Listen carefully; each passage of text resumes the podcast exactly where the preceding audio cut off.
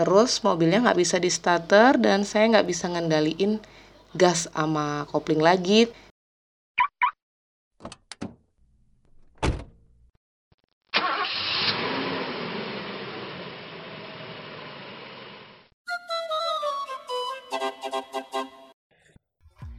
Hai semuanya. Kembali lagi di podcast di saat macet. Di saat macet. Di episode 6 kali ini kita akan men-sharing cerita-cerita tentang Pengalaman pertama naik kendaraan. Mau naik, mau nyupir, mau nyetir atau apa pun. Iya benar, soalnya pasti ketika kita pertama kali nyetir kendaraan itu nggak selalu mulus. Iya, betul. Kecuali mungkin kalau naik Kecuali kecuali ini jerak, kecuali lu emang udah jago. Tapi belum pernah bawa belum gitu. pernah bawa emang Jadi lu udah hafal teori, prakteknya belum. Oh. Ya, itu mungkin aman-aman aja kayaknya nggak bakal ada juga. cerita. Oh belum tentu ya? Praktek tuh tidak semudah teori. Oh iya, nih ngomong-ngomong kemarin nih kan gua habis ngeliat ini ya. Apa kalau kalau di YouTube kan ada ada viewer, ada like-nya, ada subscribe-nya. Kalau Iya. di Spotify tuh juga ada, Pak. Eh, ini listenernya. Listener, viewer juga ada, sama satu lagi subscribe juga ada. Oh iya. Tapi beda istilah. Follow kali ini. Oh iya itu ya, itulah Mm. pokoknya itu. Nah, ini episode episode 5 nih udah mengungguli semua, Pak. Semuanya dari episode 0. Dari episode 3 sih. Listener dari episode tiga setengah, episode 4 sama episode 5. Masa sih? Masa bisa ngalahin episode tiga setengah? Kan kalau sama episode 4 jaraknya ya dekat ya. Bisa dimaklumin lah sama episode tiga setengah banyakan episode 5 jerak. Banyakan episode 5. Berapa bedanya? Satu doang. Iya. Tapi tetap lebih banyak ya episode Banyak. 5. Berarti Walaupun kena, berarti eh, episode tentang apa episode 5? Oh, kecelakaan. Kecelakaan. Itu lebih menarik minat Lebih menarik minat, Pak. Jadi pendengar-pendengar kita ya. besok-besok kita bikin apa bikin cerita tentang ini aja, Pak. Baku hantam di jalan, Pak. Masih berkaitan ya kayaknya kayaknya pendengar-pendengar Indonesia ini memang suka eh, yang Suka. berkaitan dengan Sukanya yang hardcore, Iya. Pak. hardcore.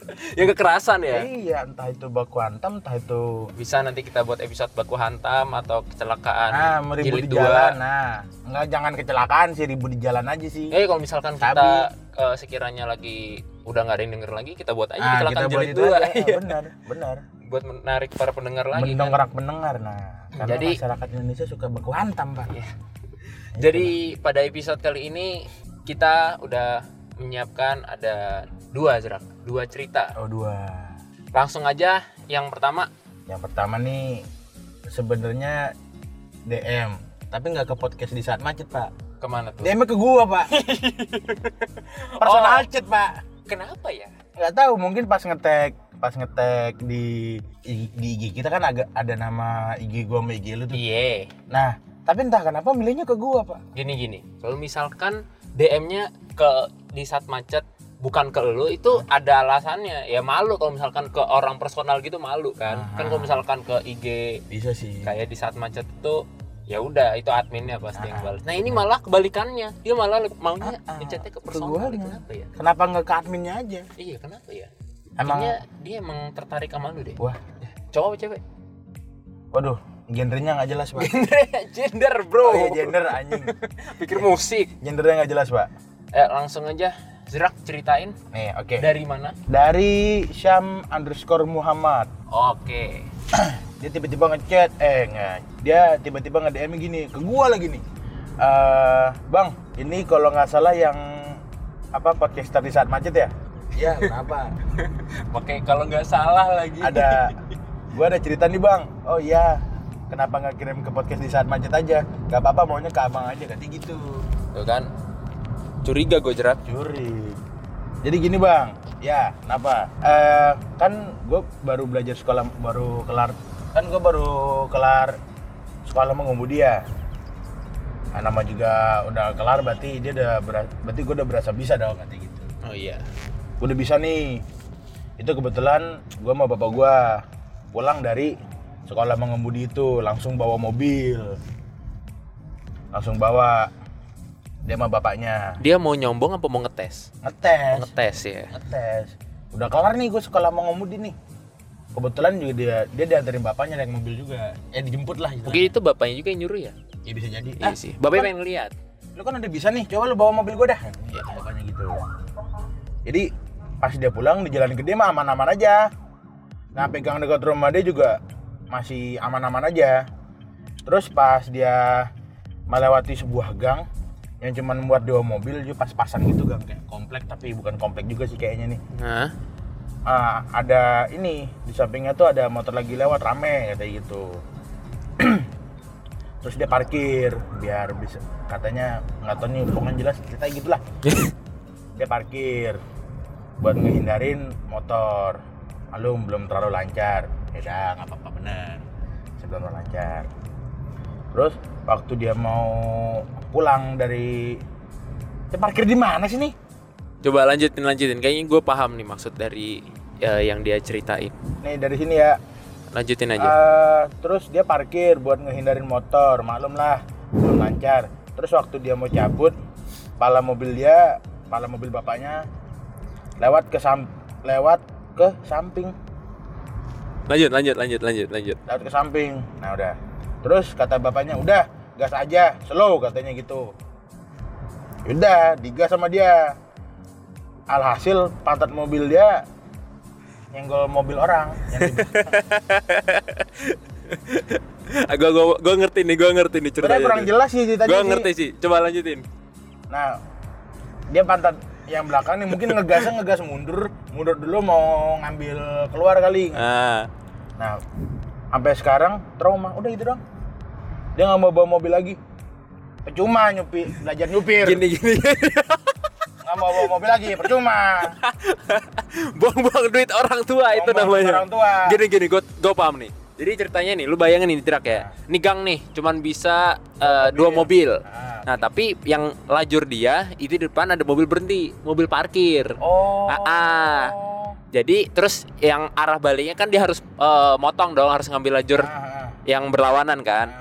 Dari lajur yang berlawanan lagi banyak motor, makanya dia parkir dulu di belakang mobil parkir. Oh. Berhenti dulu sampai udah kosong, dia baru kan eh, banting kanan. Pas palanya udah di sebelah kanan, eh, bapaknya bilang, "Udah gas aja, nggak apa-apa." Nah, tapi masalahnya itu terlalu mepet belak mobil Iya, belakang dia, berarti sama dia mobil nggak- depan dia. Feeling di mobil kiri, apa sebelah kiri nggak dapet. Nah iya akhirnya Oh. pantat mobilnya bergesekan deh itu. Itu gimana sih lu, lu yang baca malah lu yang bingung? nggak paham ceritanya nih. Mungkin dia sengaja emang pengen ngejebak lu. Iya dari ngirimnya aja ke lu. Nah ini pasti Ijrak nih yang ceritain nih. Makanya gue buat dia bingung lah. Ya, Ya. ada-ada ini Muhammad Syam nih. Aduh. Itu cerita dari Syam. Jadi jadi dilema ya ngapain ngapain dia belajar mobil? Buang duit. Mending belajar sama bapak lu. Kalau Kalau lu emang nggak bisa nggak mau bawa mobil nggak usah bawa, nggak ngeluarin duit kan. eh Mas. Eh, jadikan itu pengalaman dong. Ambil sisi positifnya, jangan ambil sisi negatifnya. Sisi Gitu. positifnya kan ada. Ya sisi positifnya cuman dia dapat pengalaman yang cukup buat dia belajar mobil untuk ke depannya. Jadi Cukup sih pengalamannya buat Jangan. dia nabrak lagi ke depannya. Ya. jangan jangan mepet kiri, terus feeling di sebelah kiri harus dapet. Nah iya, harusnya itu diambil tuh sisi positifnya. Jangan jadi mager bawa mobil. Mau bawa mobil lagi. Trauma, Ya. Lanjut. Ini cerita kedua. Dari siapa Pin? Ini yang ngirim sesama podcaster seperti Oh, iya. kita Zrak. Dari Ruang Rahasia Podcast. Podcast Ruang Jadi eh dia ngirim voice note tentang Ah. cerita dia pas awal-awal belajar Mobil. naik mobil Hmm. via DM. Langsung podcasternya cowok Pin? sepertinya sih kalau gua lihat dari feed IG pod apa feed IG podcastnya Ah. itu kata-katanya eh, kata-kata puitis semua aja. Sepertinya sih itu cowok ya nggak nggak cewek sepertinya cewek coba langsung kita dengerin Ya, aja kita dengar. voice note dari ruang rahasia podcast Halo di saat macet podcast, terima kasih ada kesempatan untuk sharing tentang belajar nyetir. ini temanya lucu banget sih sebenarnya. Saya penasaran aja kira-kira cerita teman-teman tuh gimana ya. Halo, saya Dira Indira dari Ruang Rahasia Podcast. Saya mau cerita tentang pengalaman belajar nyetir yang menurut saya sih uh, pengalaman paling kocak yang saya alami ya. Jadi saya belajar nyetir tuh sama mama, jadi saya nggak pernah belajar nyetir sama jasa-jasa uh, belajar sama orang itu. Jadi murni mama saya ngajarin dari mulai dari parkir, jalan nanja, cara pakai kopling, uh, sampai yang susah-susah itu mama semua. Dan orangnya memang mama itu sabar banget kalau ngajarin apa aja. Nah, suatu hari saya belajar nyetirnya di jalan yang nanjak jaraknya lumayan tinggi untuk ukuran pemula ya. Dan waktu itu rame banget. Kayaknya kami salah jam berangkat deh waktu itu. Sebenarnya sih waktu itu saya udah latihan lama dan baru berani untuk lewat jalan itu. Jadi di belakang mobil ditulisin dong gede-gede itu tulisan belajar nyetir. Nah sumpah kalau ingat waktu itu rasanya pengen nyungsep deh ke bumi. Malu. Terus tahu dong jalan nanjak kan harus kita pintar ngendaliin gigi satu sama gas gitu kan. Nah berhubung waktu itu belum mahir dan grogi plus waktu masih pakai mobil pisau itu mobilnya mogok di tengah jalan di tengah jalan dan lagi lampu merah di depan sendiri. Jadi kalau yang pernah ngalamin masa-masa itu pasti kalian tahu gimana deg-degan jantung supir yang baru belajar nyetir di tengah keramaian mogok plus di depan lampu merah. Ampun deh kalau ingat waktu itu antara mobilnya itu mau mundur hampir nabrak truk di belakang terus mobilnya nggak bisa di starter dan saya nggak bisa ngendaliin gas sama kopling lagi terus lupa untuk tarik handrem. Nah lengkap pula lah mogok pula. Jadi ya gimana sih orang baru belajar nyetir kena ujian mobil mogok di tengah jalan raya lagi lampu merah. Heboh dong suara klakson plus orang maki-maki karena lampunya udah hijau dan untungnya mama saya tuh orangnya nggak panikan saya, saya eh, kayak saya. Jadi mama saya keluar pakai kacamata hitam terus uh, melenggang aja dia keluar manggil tukang beca terus ngatur jalan. Akhirnya tukang becanya disuruh untuk dorong mobil ke jalan. Sementara saya nggak berani keluar mobil dong. Saya lompat ke kursi sebelah masuk ke bagian kolong uh, kolong kaki itu. Ya udah sembunyi aja di situ malu banget kalau inget itu. Ya untungnya mama saya keren sih. Jadi lewat di saat macet ini saya pengen ngucapin juga terima kasih untuk mama. Akhirnya anakmu yang bandel ini bisa nyetir mobil. Dan itu adalah fase yang menurut saya paling konyol dari saya belajar nyetir Oke, di saat macet, terima kasih ya. Boleh sharing-sharing tentang pengalaman belajar nyetirnya. Gak sabar nih, pengen denger gimana pengalaman teman-teman yang lain. Thank you, bye-bye.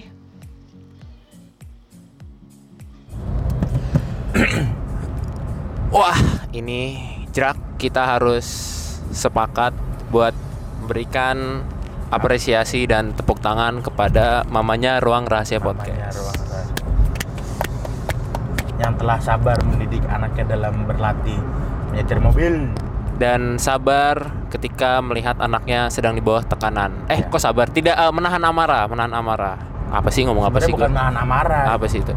Itu bisa lebih ke tenang, cep, cep, tapi tepat sih Jerak kita bilang menahan amarah hmm. karena kan tadi Mbak Dira Indira bilangnya uh, dia ceritainnya cuma sampai uh, mamanya keluar oh, iya. manggil tukang beca tukang terus beca. dia lompat ke sebelah. Udah sampai situ. Kan kita juga nggak diceritain kelanjutannya. Iya.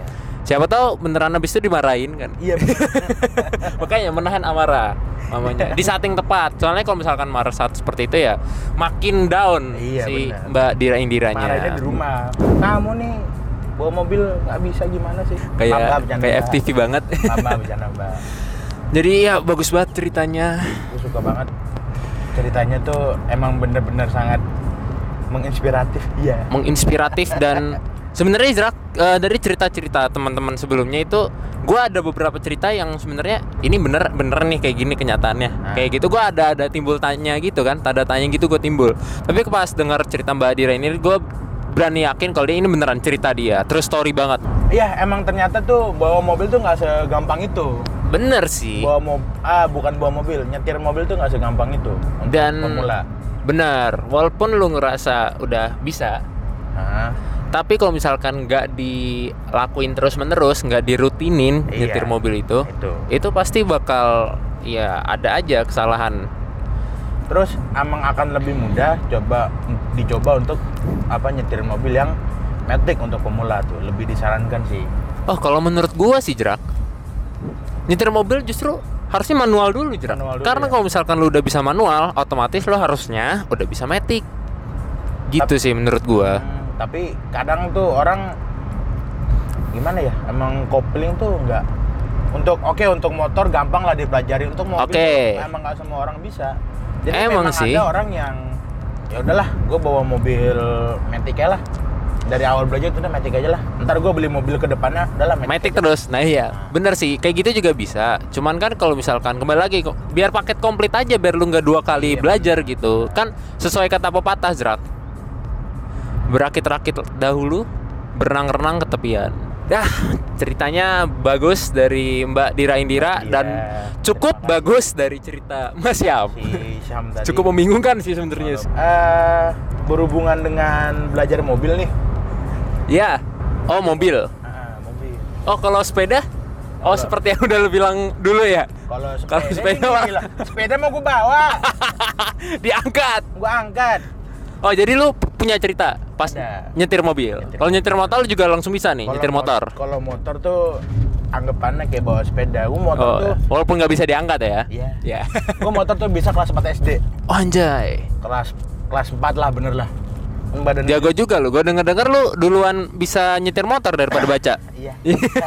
goblok, goblok. Jadi pas itu kalau nggak salah gue dibonceng sama bapak gue. Nah, ini apa nih motor atau mobil? Motor. Oh, motor dulu. Gue dibonceng duduk di depan. Oh, muat tuh. Kan lu masih kecil juga udah gede, Serak. Muat. Oke. Motornya waktu itu motor bebek. Oh, lah justru makin makin mempertegas keraguan gua muat apa enggak nih motor bebek. Depannya kan ada ruang, Pak. Gede lumayan. Menampung lah gua. Iya sih. Nah, terus eh entah kenapa bapak gua mau menjerumuskan gua biar jatuh apa gimana. Nih, coba bawa. Lah, kan gua bingung. Nih, coba bawa. Apa eh, bebek ya? Manual berarti. Iya, Oke. motor bebek. Cuma bukan manual sih, semi manual. Dia ada giginya tapi nggak ada koplingnya. Oh iya. Ya udah gua gas aja. Bisa. Oh bisa. Udah. Wah, jago juga lu.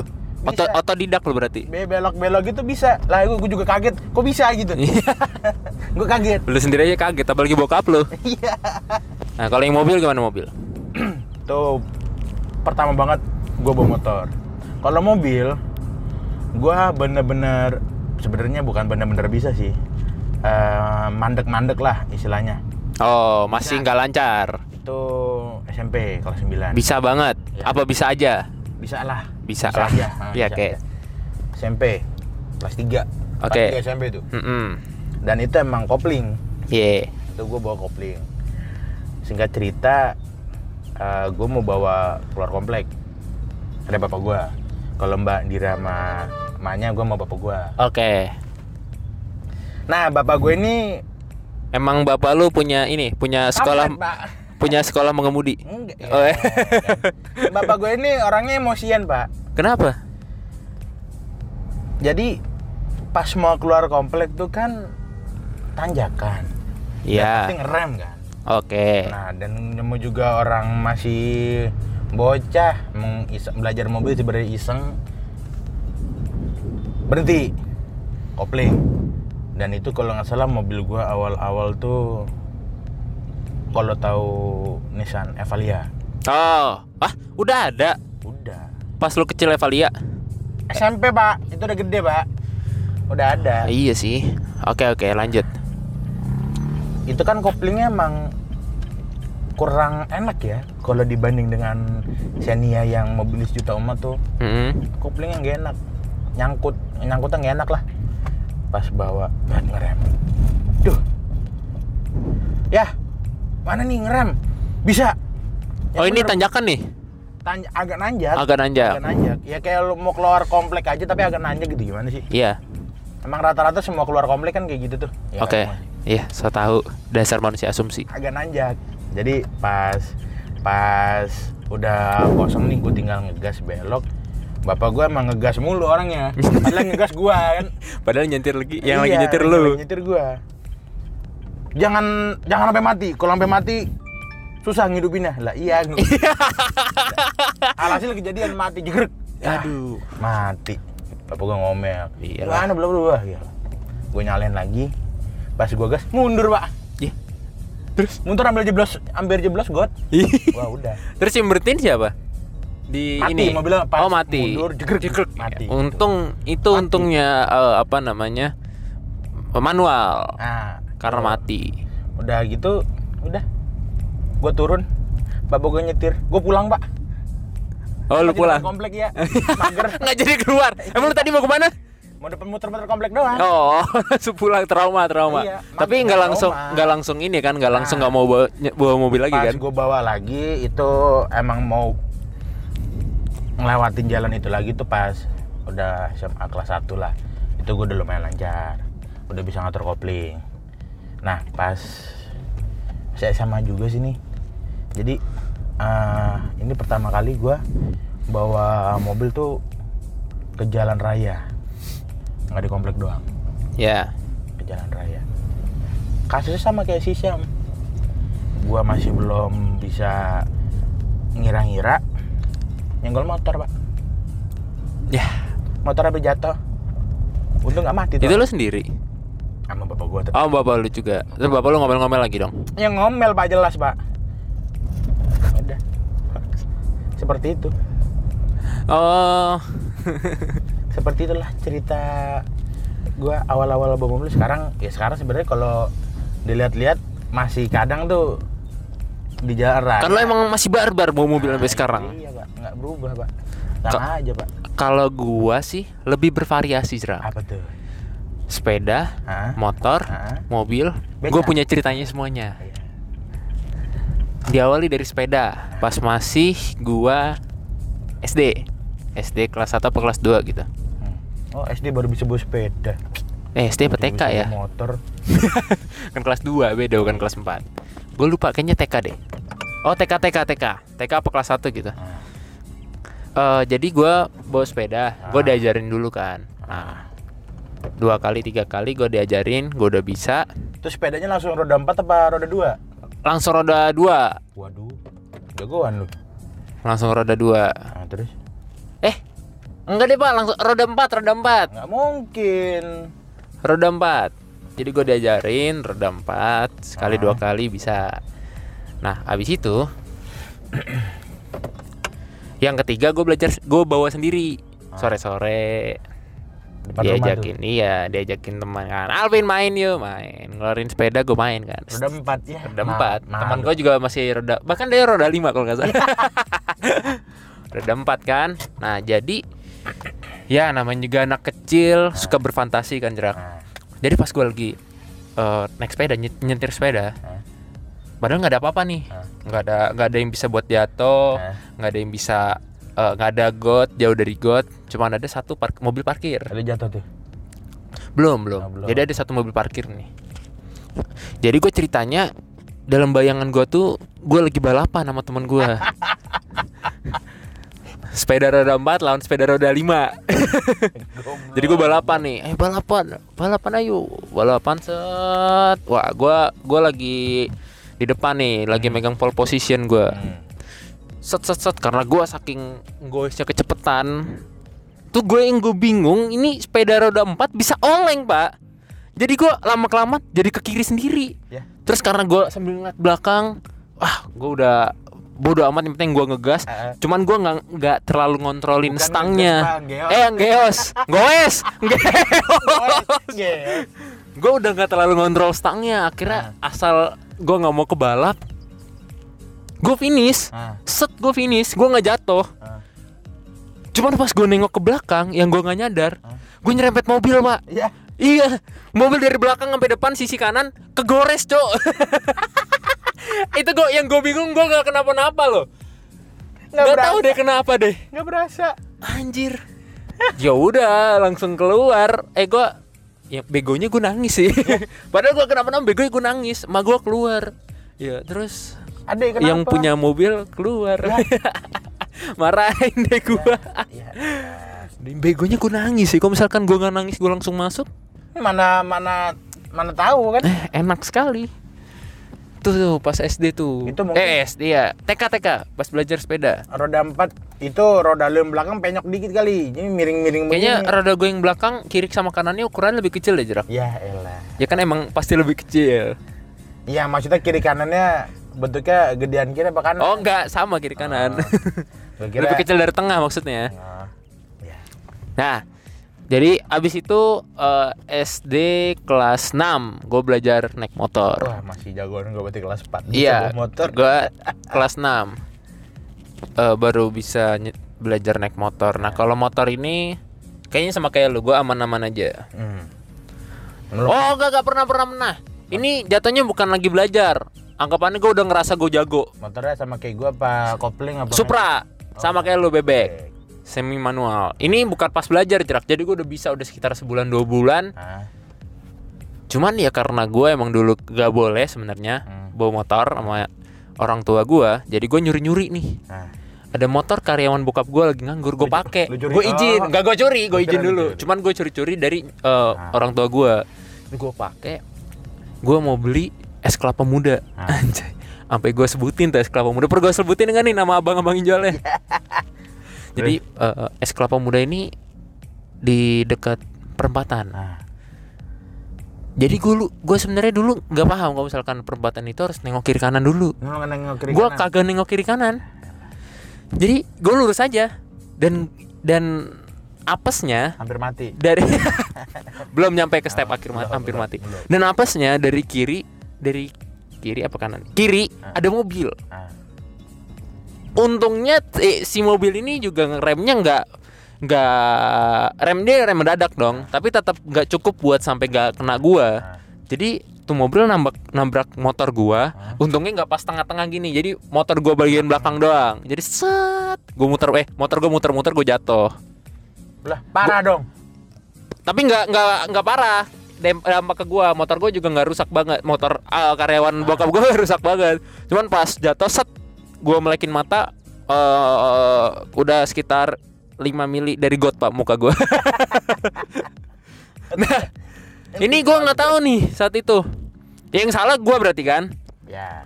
Cuman mobilnya turun eh kayaknya dia bukan mau marah, justru dia kasihan mau nyamperin gua.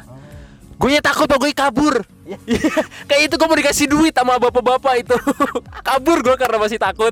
Iba. Karena yang pertama, wah gue gua nyolong-nyolong dari nyokap gua. Ini motor bukan motor gua. Terus gue yang salah, jadi gue takut. Padahal gue mau dikasih mau dikasihanin sama tuh Pas lu bapak. pulang motornya hampir nggak. Nggak nggak apa-apa, nggak apa-apa, nggak nggak apa-apa, nggak ada. Ya lecet dikit. Gue ya ini kan Bilang bukan bukan dari- dari lama lecetnya. Gue bilang gitu aja pas tanya. itu motor. Nah, Mobil. Yang panjang ini ceritanya pas belajar mobil. Lu bisa mobil kapan? Gue pertama kali gue les mobil Oh. sama kayak Mbak eh Syam sama kayak Mas Syam. Siap. Iya, iya. Jadi gue belajar mobil itu SMP kelas Oh. 1 apa kelas 2 gitu. Wah. Anjir masih bocah. Gua ya kelas 3 baru bisa bawa mobil. Ya, gue disuruh belajar sama gue. Nah, belajar udah. Nah, pas belajar itu sebenarnya gue ngerasa Lu bisa. bukan, gue ngerasa nggak ada fungsi eh kopling dan rem di Oh tempat iya. Itu gua tahu. di tempat guru Di tempat lesnya pelatih ya. pelatih pelatih belajar mobilnya itu ada pas pada bareng. saat gua les gua nggak ngerasa "Hmm, ini buat apa sih sebenarnya kegunaannya orang gue bisa sendiri ngerem sendiri ngopling Eh. sendiri ini kagak kelihatan mungkin kan karena gue nyetir jadi gue nggak bisa ngeliat kakinya ngapain kan jadi saat itu gue ngerasa gue pede banget Hmm. nah abis itu ini langsung melonjak jauh nih jerak langsung time skip sampai gua mau kuliah Ah. jadi gue itu orangnya eh waktu SMP SMA itu gue sebenarnya bisa. Nah, Cuman gue nggak mau bawa mobil. Gue masih suka naik motor aja dulu. Ah. Nah jadi pada saat gue udah mau kuliah, gue ngerasa oh gue harus sudah bisa nyetir mobil. Ah. Gue pengen lancarin lagi karena udah lupa soalnya gue udah beneran nggak megang mobil lagi. Nah, Eh abis itu pada saat SMA kelas 3 udah lulus, Ah. gue belajar mobil lagi Ah. di Manado. Hmm. Mana re? Man- Mana mi?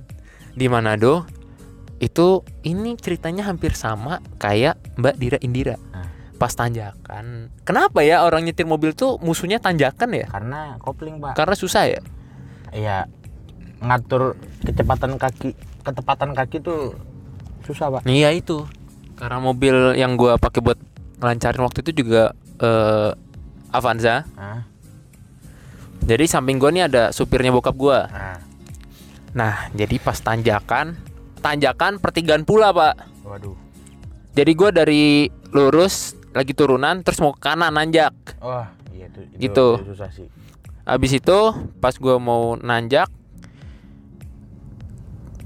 Avanza itu kalau misalkan rada longgar koplingnya suaranya kayak dedet gitu. Ya itu semua mobil pak. Semua mobil ya? Semua mobil. Nah, jadi pas kayak gitu gue panik tuh pak. Pas denger kayak gitu padahal nggak apa-apa kan. Harusnya gue gas. iya tambahin Tambahin gas. gas, Kalau nggak ininya koplingnya gue turunin lagi terus sambil gue ratain sama gas kan. Jadi saat itu gue panik. Gue panik. Gue lepas. gue lepas. Gue lupa nginjem rem. Minja, apa nginjek rem. Dan gue juga wah apa uh, nginjek rem aja lupa apalagi rem tangan pak udah lupa rem tangan justru posisinya di mana nah di saat itulah gue baru ngerasa kalau sebenarnya ada nih fungsi dari si kopling sama rem di sebelah kiri di tempat yang ngajar. Cuman kada karena saat itu mobil biasa jadi si abang sopir gue yang langsung nginin rem tangan. Terus dia udah kak ganti. Iya bang. Gue ganti. Eh, terus mobil eh, sopir gue yang nyetir. Terus gue keluar ditinggalin. Enggak enggak gue pindah ke gue pindah ke kiri. Bapak lu ke mana? enggak gue lagi sama Oh, sopir bokap gue aja. Oh, bokap bokap gue udah di kantor soalnya. Nah Oh. itu jadi seki- eh, setelah sekitar enam tahun lima tahun atau enam tahun gue baru tahu lah fungsi dari rem dan kopling di sebelah kiri sebenarnya itu ada fungsinya Sera. Jadi tujuannya mau nyeritain rem sama kopling di iya bukan nyeritain pengalaman naik mobil. fungsi Eh. fungsi rem dan kopling di sebelah kiri ya jadi itu cerita kita ketika kita belajar naik kendaraan Naik kendaraan. Sekali lagi terima kasih untuk Mbak Dira Indira telah menyampaikan ceritanya. Mbak Dira Indira ini dari ruang Ruang rahasia podcast ya buat teman-teman dengerin juga ruang rahasia lupa ruang- podcast dengerin ruang rahasia podcast. karena itu dari feed Instagramnya aja anda sudah akan merasa Merasa di ruang rahasia. iya Iya. Benar sama satu lagi terima kasih kepada Mas Syam Muhammad Nah, Syam telah menyampaikan ceritanya yang lebih ke chat pribadi ya. chat pribadi ya. oke langsung aja Zrak kasih tahu topik buat episode selanjutnya episode 7 Untuk episode 7 nanti kita akan membicarakan tentang kendaraan apa sih yang bikin lu nostalgia? Betul, kendaraan apa sih yang dulu waktu lu kecil itu lu seneng banget pas ngeliat, apalagi pas naik? Tapi nostalgianya nggak cuma masa kecil, Pin. Oh apa tuh?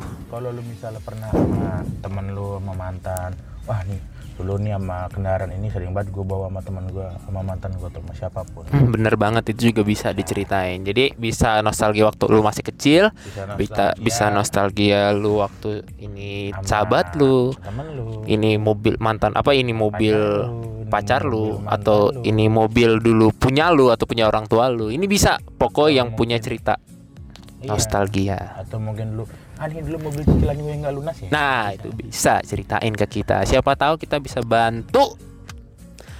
Bukan bantu bukan bantu ini yang lunasin cicilan bukan, bukan. Bisa bantu eh Nanti bikin seru aja kita. Iya. Biar kita ceritain aja. Ya, oke lah. konten. Jangan lupa kirim ke mana Serak? Kirim ke deskripsi yang udah kita cantumin Bisa via DM Instagram di saat macet di saat macet at gmail.com. Kirim ke situ, jangan chat pribadi ke gua. eh, dah, Ya udah, pamit. cukup aja di episode ini. Eh, gua Izrak. Dan gue Alvin. Kita pamit. Bye. Bye.